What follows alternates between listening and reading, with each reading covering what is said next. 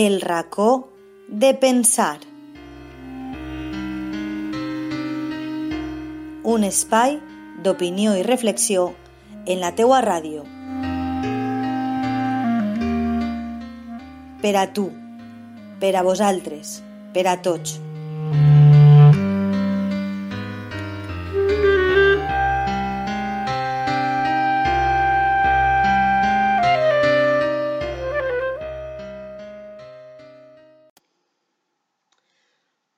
Bon dia, amics de la teua ràdio. Este espai radiofònic se diu El racó de pensar i per això volia compartir amb vosaltres el que estic pensant en estos dies de confinament. Un confinament ara més suau, però en el que tots anem en la cara tapar per les mascarilles sanitàries. Heu pensat en tot el que estem perdent-nos per llevar la cara a tapar? La cara, que és l'espejo de l'alma?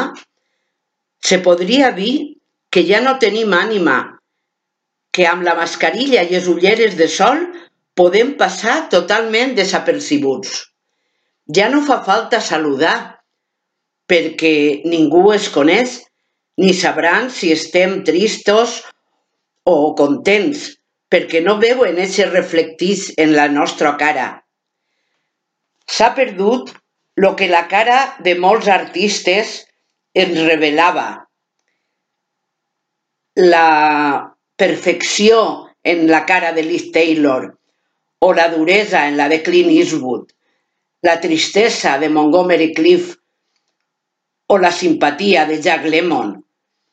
En fin, totes aquestes coses ja no podrem adivinar-les. Ara no tenim cara. Podem estar de qualsevol manera que ningú es preguntarà què mos passa. Són com a robots que es menegen per el poble sense poder apenes parlar. Lo imprescindible per poder comprar i res més. Res de sentiments, res d'interessar-nos per lo que la cara ens dia de les persones. Quan ens encontraven en alguna amiga, xica, tens mala cara, que estàs malalta? O xica, te veig molt risuenya, què te passa? Ara, si estem contents o preocupats, tindrem que celebrar-ho o patir-ho nosaltres soles. Què anem a fer? El virus mana i entre anar a l'hospital o llevar mascarilla, sempre triarem per tapar-nos la cara i que la professor vaja per dins.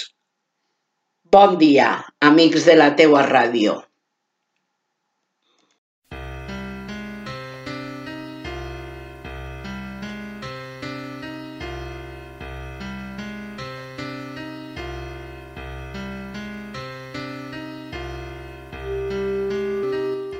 El racó de pensar. Un espai d'opinió i reflexió en la teua ràdio.